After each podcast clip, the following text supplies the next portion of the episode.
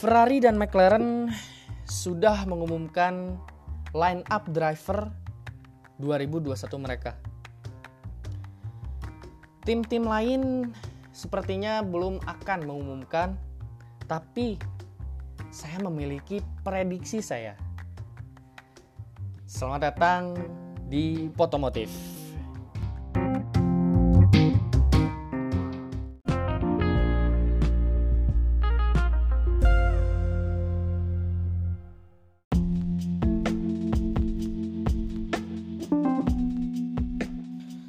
Tadi pagi menjelang siang, saya membuat polling di story Instagram saya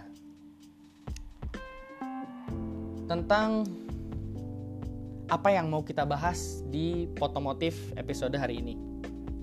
Saya memberi dua pilihan.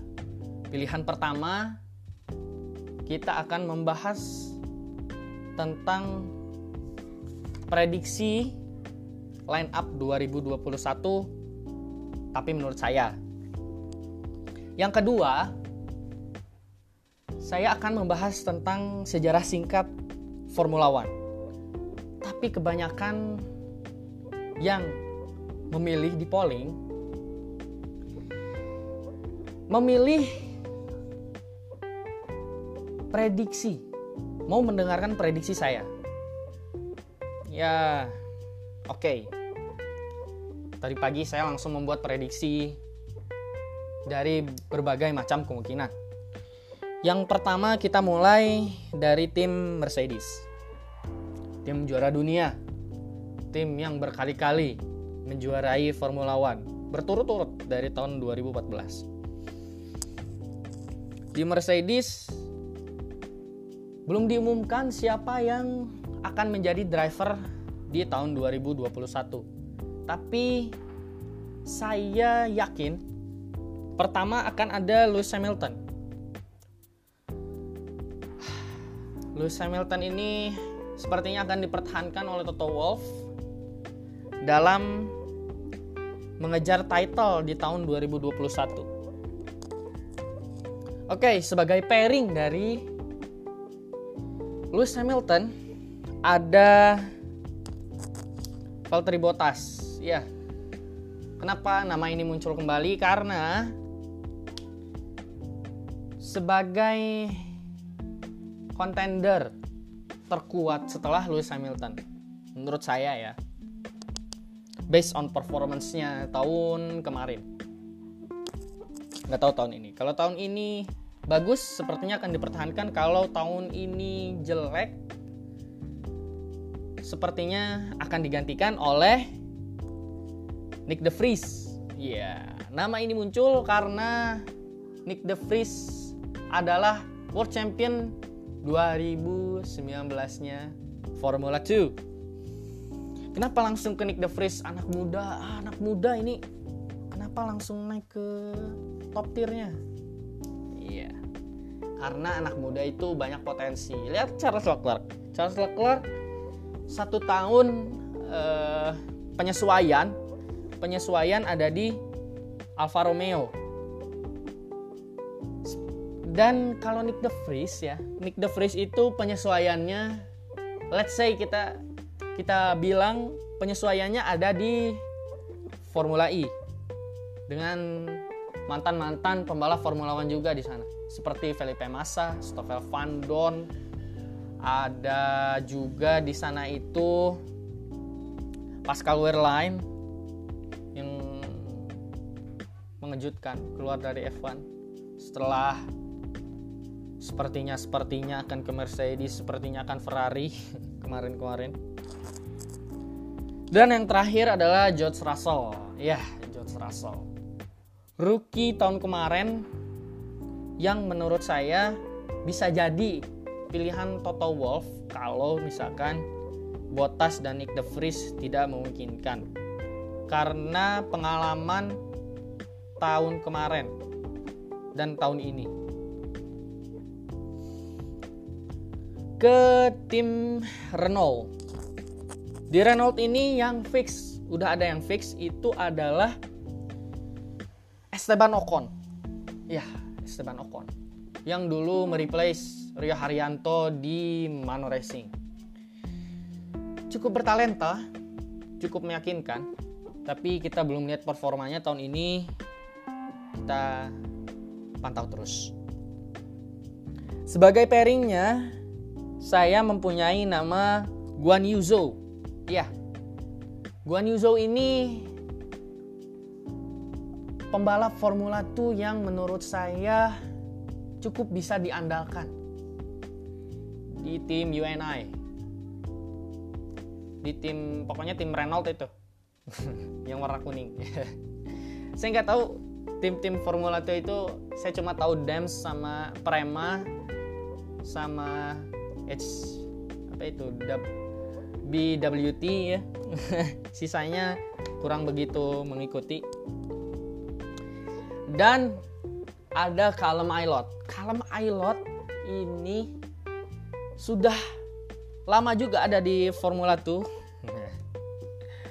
dan kita akan melihat sepertinya ini juga bisa sebagai pairing dari Esteban Ocon. Kita ke tim Alfa Tauri. Nah, ini yang lumayan menarik nih di sini. Pilihannya ada Albon, Gasly. Ya kalau Albon, Gasly kayaknya tuker-tukeran terus kayaknya. Setelah Gasly diturunkan ke tim eh, ke tim Toro Rosso yang tahun kemarin masih namanya Toro Rosso sekarang Alfa Tauri dan mengejutkannya podium di Alfa Tauri atau Toro Rosso tahun kemarin. Kalau Albon, kenapa ada nama Albon di sini? Karena kontraknya belum jelas juga dan bisa saja diturunkan ke tim nomor 2-nya dan nama lainnya adalah Dani Keviat. Ya, Dani Keviat ini emang langganan ya, ada di tim sini. Ada di tim Alfa Tauri atau tahun kemarin-kemarin itu namanya Toro Rosso. ulang-ulang terus. Yang terakhir, possible ada di tim Alfa Tauri itu Sean Ya, Sean apa kabar Senglel? Dari dulu gak naik-naik ke F1. Udah lama ada di Formula 2. Mudah-mudahan cepat-cepat lah ke F1 ya. Yang ketiga, tim selanjutnya. Bukan yang ketiga ya, udah tim keempat sekarang. Tim keempat ini Racing Point. Racing Point yang sudah fix itu ada Sergio Perez. Sergio Perez emang kontraknya cukup lama ya ada di tim Racing Point aka Force India. Dan tentu saja ada pemilik tim Lance Stroll. Lance Stroll Lance Stroll. Tapi belum belum pasti juga Lance Stroll ini ada di Racing Point. Bisa aja dia pindah jurusan ke Formula E atau pindah ke GT Racing. Mungkin. Dan di sini juga ada nama lagi-lagi Josh Russell. Saya itu 5 menit yang lalu sebelum ngebuat podcast ini ngeliat uh, berita di Instagram gak tau hoax gak tau apa pokoknya ada rumor bahwa George Russell ini bisa saja pindah ke tim Racing Point. Ya, kita nggak tahu juga. Kita terus pantau. Dan selanjutnya ada Red Bull. Ya, Red Bull. Red Bull ini yang sudah fix ada Max Verstappen pastinya. Dengan prestasinya yang cukup cemerlang, pasti Christian Horner juga akan mempertahankannya. Ada Albon sama Gasly. Ya Albon Gasly. Tim junior senior ya ini Alfa Tauri sama Red Bull ini. Jadi kita akan melihat dinamisnya strategi dan ya tidak terduganya Christian Horner di tahun 2021. Selanjutnya ada Williams. Ya, Williams. Ada Nicolas Latifi. Kayaknya Nicolas Latifi ini akan tetap ada di uh, ini dulu. Di Williams dulu. Belum akan naik ke top tiernya yaitu Mercedes Benz. Tapi nggak tahu juga ya. Dan ada pairingnya uh, ini pairingnya Sean Gelel yang sekarang ada di Dems yaitu Tiktem. Ya Tiktem ini juga uh, driver akademinya di Williams ya. Jadi nggak akan kaget juga ngelihat dia di Williams. Atau mungkin mungkin ya kalau si Nick De Vries itu nggak dapat kursi di Mercedes dia dapat kursi dulu di Williams ya. Who knows? Alfa Romeo sekarang ya. Alfa Romeo ini menarik. Ada Giovinazzi Giovinazzi ya. Tim uh, pembalap yang udah dua tahun ada di tim yang sama. Giovinazzi ini tapi performanya ya lumayan so-so. Adanya ini pembalap masih ada di Formula 2 ya. Prediksi saya akan masuk ke F1 dari jalur tim Alfa juga yaitu Giuliano Alessi ya Giuliano Alessi yang kita tahu sebagai pembalap yang lumayan talented. Dan ada di driver akademinya Ferrari yang sepertinya akan masuk ke